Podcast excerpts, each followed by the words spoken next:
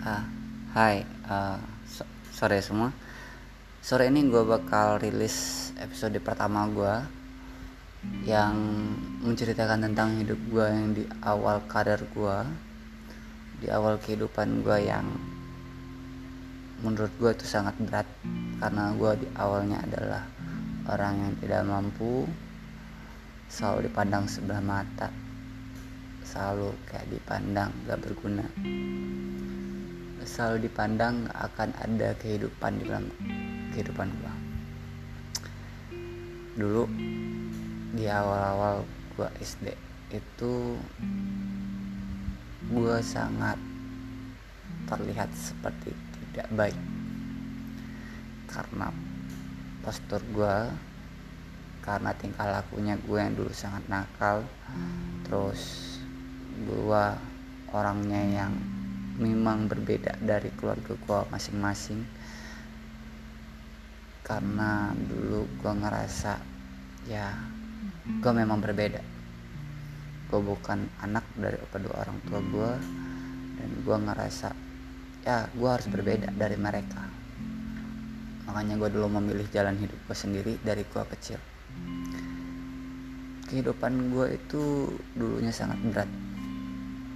Ketika orang tua gue melahirkan adik gue yang paling bungsu paling bontot. Dan di situ kehidupan gue sangat gue merasa berat yang gue harus menjalani kehidupan gue dengan mencoba berusaha mencari uang jajan sendiri mencari kebutuhan gue sendiri tanpa melibatkan orang tua gue dan di situ gue punya keluarga sebenarnya tempat gue ngadu. Cuman keluarga gue itu selalu ngechat gue yang kayak seolah-olah lu nggak bisa apa-apa untuk kehidupan lo dan lu nggak berguna untuk kehidupan kita. Di satu sisi gue pernah ngerasa hancur karena karena perasaan itu gitu. Karena perasaan yang membuat gue yang ngerasa gue bener-bener ditekan setekan-tekannya di sana. Ditambah lagi keluarga nyokap yang ngomong lu gak berguna lu hanya beban dalam kehidupan keluarganya lu. Lu hanyalah sebuah parasit yang lambat laun akan memakan keluarga lu. Itu sangat berat bagi gua dulunya. Tapi di satu sisi gue mencoba untuk berdiri tanpa berharap apa-apa hanya berdiri dengan kaki gue yang gue yakini adalah kaki gue gak bakal salah melangkah dalam kehidupan. Karena kehidupan tidak berhak untuk disalahkan. Di situ gue lulus SD gue harus memilih lanjut ke SMP atau gue berhenti sekolah. Dikarenakan dulu gue di SD itu sudah punya penghasilan yang lebih menurut gue daripada anak-anak SD sebelumnya. Gue memilih untuk bekerja dan tidak melanjutkan sekolah gue lebih memilih untuk berhenti atau cuti selama satu tahun dari kehidupan sekolah. Dan gue memilih untuk kehidupan gue yang mencari uang dan mencukupi kebutuhan gue sendiri. Gue mencari uang untuk kepentingan gue sendiri yang bisa membuat gue bahagia. Di saat itu gue berpikir gue nggak butuh siapa-siapa buat bahagia. Karena di situ gue bisa kok mencari kebahagiaan gue sendiri. Melengkapi kebutuhan gue sendiri. Dan membeli apa yang gue inginkan. Karena gue bekerja di kelas 2 kelas 1 SMP sih harusnya. Karena di situ gue berhenti sekolah lambat laun kehidupan gue mulai membaik. Dan gue nggak kepikiran lagi untuk melanjutkan sekolah karena menurut gue waktu itu buat apa gue sekolah? Sedangkan gue sudah punya uang untuk menghidupkan gue gue mencoba untuk mencari kehidupan dengan bermain game online yang gue berpikir mungkin ada sisi baiknya ketika gue bermain game online. Karena gue berpikir adalah gue lupa tentang kejadian yang ada di rumah kejadian apa yang menimpa gue kejadian di mana gue nggak punya seseorang kejadian di mana orang yang tidak mempedulikan gue menjadi sebuah tempat yang mempedulikan gue menginginkan gue dan memerlukan gue itu aja. Di game online itu yang kayak gitu. Dulu uang yang gue cari gue habiskan untuk belajar game online. Gue belajar belajar belajar belajar. Belajar tentang game online gue fokuskan. Dan setelah itu beberapa tahun berseling gue bekerja ngabisin uang game online beberapa tahun ngabisin uang game online. Itu terjadi terus menerus sampai dua tahun ke depannya. Dan setelah itu dua tahun di umur gue kisaran 17-18an gue baru memetik hasil sebuah hasil yang menurut gue sih lumayan. Karena gue menjadi operator warnet. Di situ gue dapat mengembangkan lebih baik lagi untuk tentang game gue game online MMORPG yang dulu yang menurut gue itu lagi booming booming banget. Yang dulu yang bisa gue menghasilkan uang sehari 600 sampai 1 jutaan dalam sehari. Saking boomingnya itu game dulu. Dan karena gue operator warnet gue memanfaatkan itu di saat itu. Gue mencari teman di warnet gue bercoba untuk berkamuflase dengan kehidupan mereka. Gue coba menyesuaikan kehidupan gue dengan mereka. Emang setimpal apa yang gue dapat apa yang gue keluarin emang setimpal banget tapi itu bukan kehidupan gue sebenarnya. Karena gue harus mengais begadang tujuh hari bekerja mati-matian untuk mendapatkan 600 ribu dalam sebulan. Satu hari satu dua hari lah. Satu sampai dua hari itu gue harus nyari 600 ribu untuk kehidupan gue di situ gue banyak belajar sih tentang pergaulan tentang yang namanya sifat simbiosis mutualisme. Ketika lu dibutuhkan berarti lu juga, orang itu juga membutuhkan lu. Dan lu juga membutuhkan orang itu. Ketika lu dimanfaatkan lu juga harus bisa memanfaatkan orang itu. Ini bukan masalah hubungan yang akan memburuk karena itu tapi di umur 18 itulah yang lu bakal nanti bakal tahu yang kayak kehidupan itu memang seperti itu. Berjelang gua di umur 18 tahun itu kehidupan gua lumayan lumayan tenang sampai bokap gua nyari gua. Karena di umur 18 gue nggak pernah pulang. Dan di umur 18 gue dengar bokap ternyata punya anak perempuan dan itu beda ibu. Gue memilih untuk tidak bersekolah. Gue memilih untuk melanjutkan kehidupan gue dengan mencoba keluar dari kehidupan keluarga gue tapi di umur 18 bokap membuat gue ngerasa gue harus cari ibu gue dan gue harus ngelindungin dia. Karena gue dengar kabar yang sangat membuat gue sakit di hari itu. Gue berpikir untuk kembali dan membawa penghasilan gue untuk ibu gue gue memberikan semuanya hasil yang gue kumpulin selama ini ke ibu gue dan ketika itu gue nggak pengen nanya ke ibu sih masalah bokap punya istri lain dan punya anak lain dalam kehidupannya. Cuman gue pengen tahu itu siapa. Adik gue itu di mana itu dalam kehidupan gue gue pengen. Karena menurut gue gue nggak pengen ngelantarin aja sih. Dan setelah itu gue coba pergi ke tempat di mana gue dapat informasinya adalah beliau ini jauh tinggal dari daerah gue dan gue pergi ke daerah itu tanpa persiapan apa pun.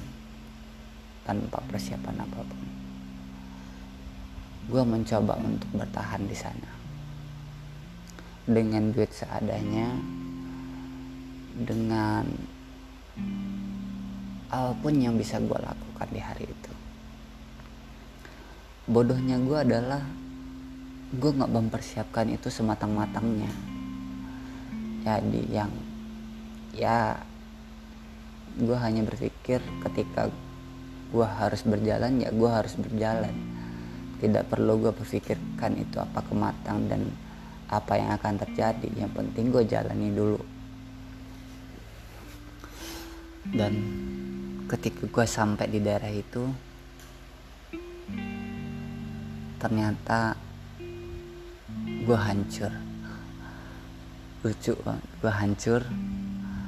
Dan gue nggak punya apa-apa di sana. Hanya duit pas-pasan yang bertahan mungkin tiga hari sampai empat hari. Dan di situ yang memaksa gue gue harus harus mencoba untuk berubah. Dan membuat gue harus mensyukuri kehidupan gue sebelumnya dan membuat gue harus berpikir untuk balik ke rumah sampai gue berpikir gue beruntung milikin ibu. Walaupun gue dulu nggak pernah ngerasa dipedulikan oleh keluarga. Setelah itu gue mencoba mengais sedikit demi sedikit uang dari mengemis meminta di lampu merah ngangkat belanjaan orang di pasar. Itu lucu sih kalau nginget kayak gitu. Yang emang kehidupan itu nggak semata-mata tentang ego lu doang sih tapi tentang kekalahan yang lu rasain itu sebenarnya lu yang nggak pernah lu maafin. Di situ gue bertahan cukup lama satu bulan karena mengemis meminta bantu angkat barang orang. Dan di satu ketika ketika gue minta uang di simpang lampu merah. Gue masih ingat di salah satu daerah. Dan seseorang menegur gue dan berkata oi dek. Lu itu ganteng loh lu rapi. Lu masih lengkap. Keadaan lu nggak cacat. Kenapa lu minta-minta padahal ketika lu pengen cari kerja lu kemungkinan bisa dapat kerja. Kenapa semua orang di saat itu bisa bilang seperti itu? Berpikir seperti itu. Tapi mereka tidak pernah berpikir ketika mereka di posisinya orang-orang yang minta-minta apakah ada orang yang percaya untuk memberikan pekerjaan apakah ada orang yang percaya kepada orang yang minta-minta agar bisa dipercaya untuk menjaga satu amanah? Itulah yang gue jawab. Dari omongan orang itu dua hari setelah itu gue berhenti minta-minta. Gue coba untuk bekerja tapi memang dalam keadaan di situ dulu kayak seolah-olah gue nggak dapat apa-apa lagi.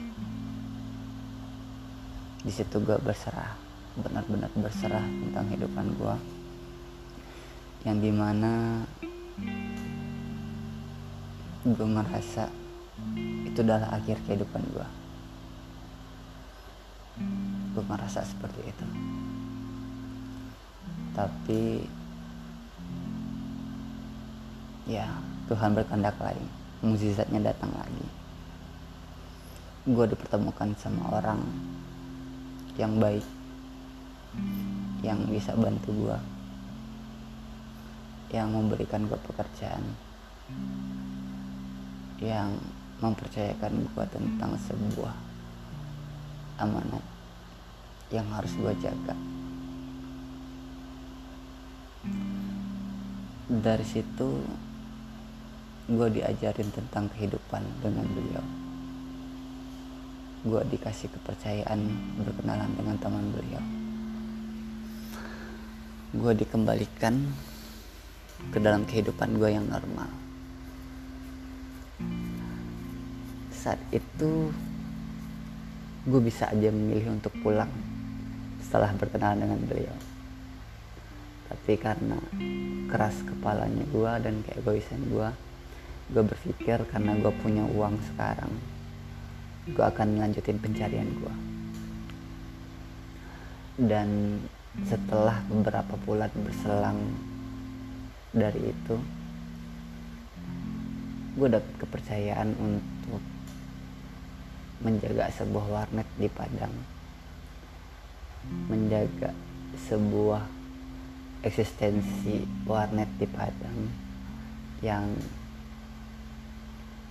gue harus bangun itu. Dan ketika itu gue terima dan gue balik ke Padang.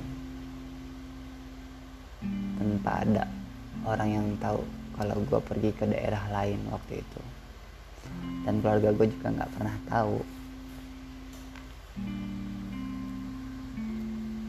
Setelah itu gue coba balik ke Padang menjalankan amanat yang diberikan orang itu tapi ada beberapa kali gue mencoba untuk menghancurkan amanat itu. Karena ya lo tahu mungkin manusia benar-benar nggak pernah puas di saat itu dan gue masih labil di umur 19 dan 20-an gue bener-bener yang kayak ngerasa ini adalah ketololan gue bener yang gue dipercaya dengan amanat yang begitu baik tapi gue malah memanfaatkan itu. Selang jalan satu tahun dari itu gue keluar dari warnet. Karena gue dipercaya untuk warnet gue memasukkan teman gue yang ternyata gue dihancurkan sendiri oleh teman gue sendiri. Di saat itu gue gak berpikir sih untuk balas dendam atau untuk membenci dia. Cuman gue nggak tahu cara mengungkapinya. Gue butuh dia untuk berbagi cerita sebenarnya karena gue berpikir dia orang yang bisa gue percaya dalam hidup gue tapi ya itu tadi. Setiap orang dimanfaatkan di part-part tertentu yang ketika part itu sudah habis dan tidak bisa digunakan lagi ya harus dibuang. Gue berpikir kayak itu sih dulunya gue keluar. Gue ngadu ke nyokap gue dan nyokap menyarankan gue harus hidup dengan kehidupan pasar malam. Yang dulu gue harus jalanin itu selama beberapa bulan dengan kehidupan ya orang nggak berpendidikan yang lulus. Lo mau berpikir nyari kerja di mana di situ gue yang harus bekerja.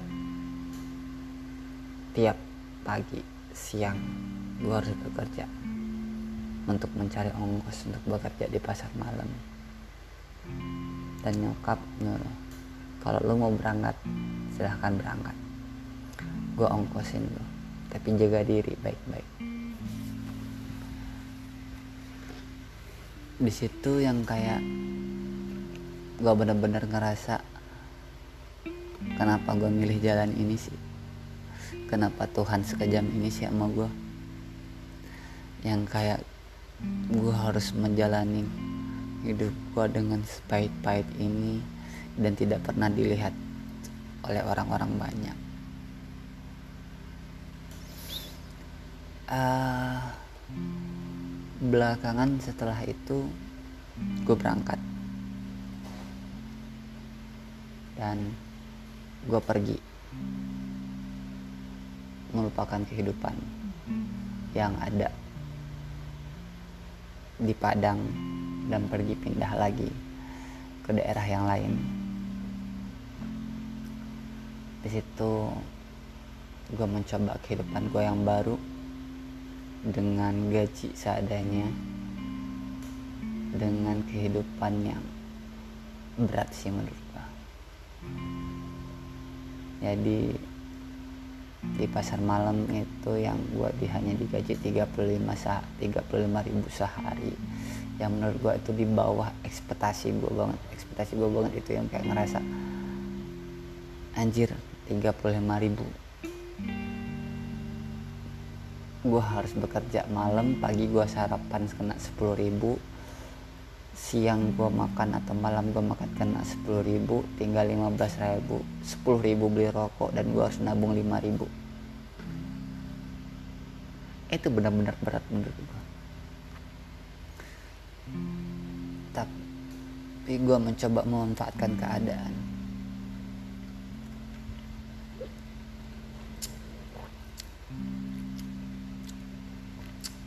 Dengan mencoba berkenalan dengan wanita-wanita. Di mana tempat gua singgah. Terus yang bisa gua manfaatin kayak mereka nyuciin baju gua bikin masakan buat gua dan segala hal tentang kebutuhan gua dipikirkan oleh wanita itu. Pernah satu ketika gue nggak nemuin wanita yang cocok untuk itu. Dan gue berteman dengan hanya sebatang rokok. Itu itulah uniknya Indonesia ya. Lo bisa berteman dengan siapa aja di mana aja kalau lo sama-sama perokok dan pengopi. Itu kayaknya membuat hidup lo akan berkembang deh. Dibikin relasi baru ketika gue berpikir gue butuh itu dan gue punya temen gara-gara itu.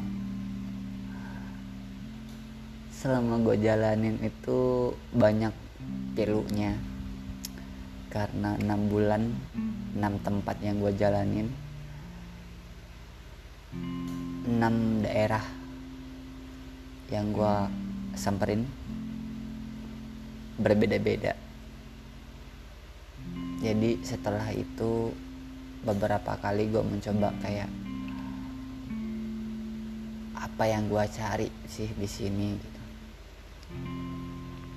Gue mencari tabungan gue nggak bisa nabung. Gue cari duit hanya pas-pasan buat makan.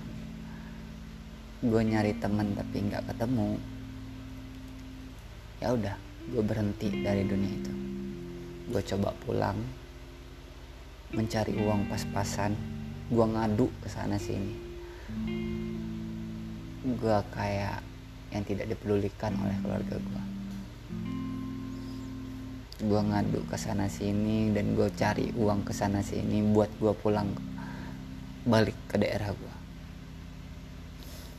dan di daerah gue gak ada kerjaan sih sebenarnya. Tapi gue harus balik dulu setelah berjalan waktu itu gue mencoba bekerja dengan bokap. Bokap kebetulan itu kuli bangunan gue menjadi keneknya beliau menawarkan gue jadi keneknya beliau gajinya 75 ribu satu harinya dan gue makan udah dari ibu uh, dari nyokap. Dari nyokap itu yang menyediain makanan tiap hari yang kayak ya lu butuh makan ya udah tinggal makan. Ya lu butuh ini tinggal ambil gitu. Di situ kehidupan gue mulai agak sedikit normal.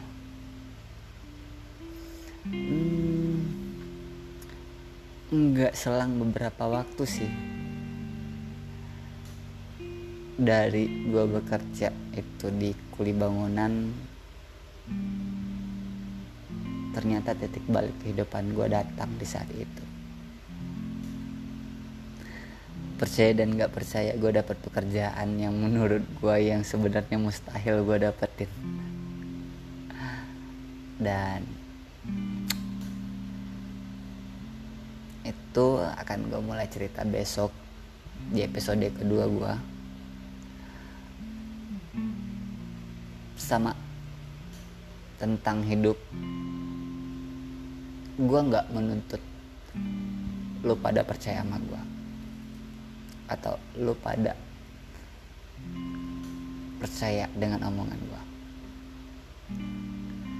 dan gue juga nggak bisa maksa kalian untuk percaya dengan itu. Tapi kehidupan yang gue jalanin begitu banyak drama sih yang kayak sinetron yang gue rasa Tuhan udah menyusunnya dengan baik. Dan gue yakin dulu pada juga punya cerita tentang itu.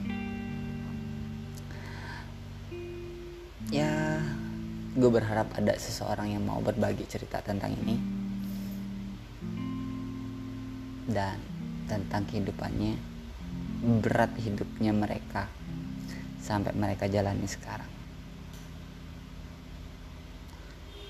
and see you. Sampai ketemu lagi dan bye